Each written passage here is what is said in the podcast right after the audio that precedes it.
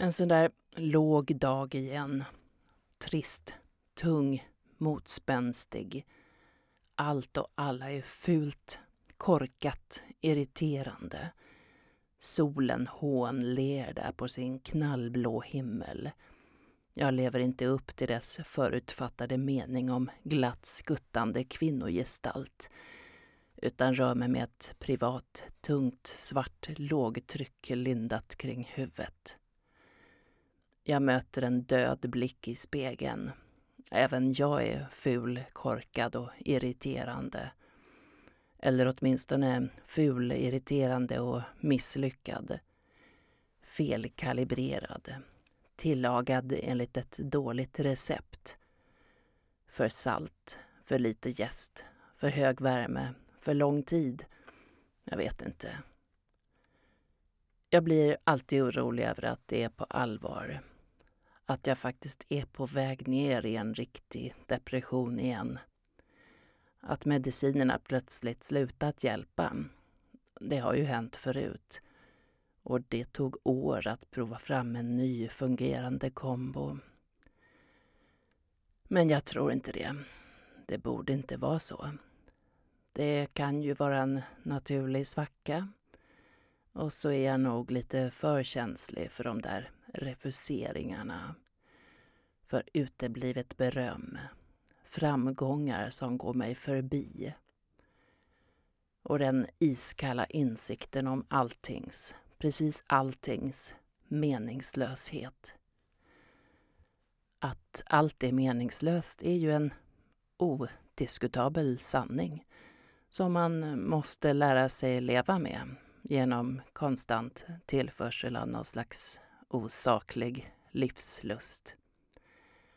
När den där tillförseln av någon anledning stryps så framstår meningslösheten på ett outhärdligt tydligt vis. Häromkvällen kollade jag en dokumentär om Mare Kandre. Det är jag som är ett geni vilket hon tydligen antecknat efter en kväll på Prinsen i Stockholm med tillägget inte Stig Larsson.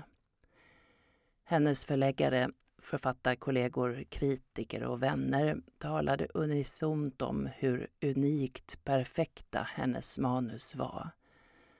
Och jag blir nedslagen. Så kommer ingen någonsin säga om mig. Min mormors bok refuseras. Jag skickar till ännu ett förlag för varje refusering. Men är det någon idé? Jag som är så kaxig, så klarsynt realistisk. Jag tål inte den krassa verkligheten när den drabbar mig. Just jag behöver en gräddfil, en röd matta. Vad är det för mening med någonting överhuvudtaget, egentligen. Jag läser in den 723 sidor tjocka Oxford History of Russian Literature som talbok, vilket förstås är både intressant och utmanande. Men hur mycket kommer jag minnas efteråt? Hur många kommer ens lyssna på resultatet?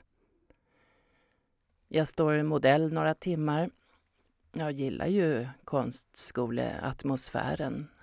Kvällskurserna något mindre. Bortskämd medelklass med för mycket tid.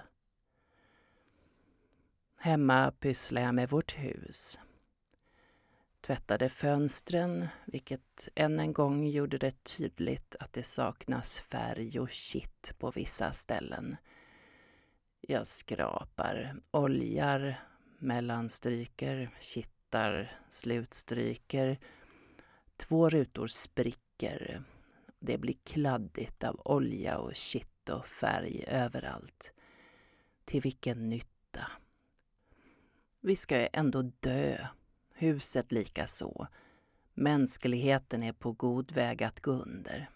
Så vad fan är det överhuvudtaget meningsfullt att ägna sig åt?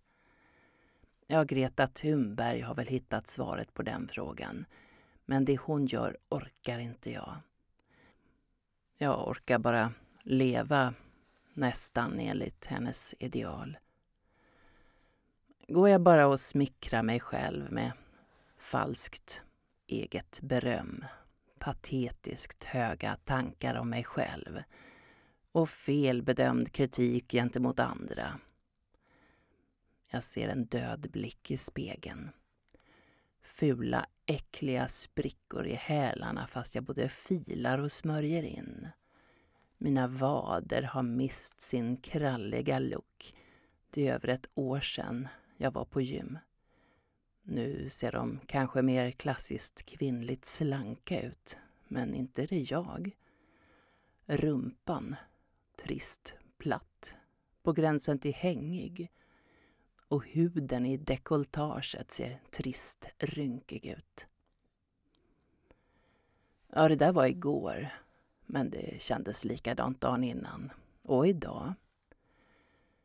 Sen ser jag på min poddavsnittslista och konstaterar att förra gnällavsnittet var ganska precis fyra veckor sedan.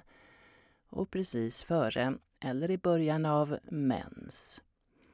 Jag tycker inte jag brukat vara så påverkad av min menscykel, men nu, när den fan i mig borde vara över. Kanske är det klimakteriebesvär. Fy fan vad trist det låter ja, det är väl dött lopp nästan mellan vad som låter tristast, mens eller klimakterium. Å ena sidan vore en hormonell delförklaring lugnande. Å andra sidan ogiltigförklarar den alla mina knivskarpt klarsynta argument för tillvarons meningslöshet.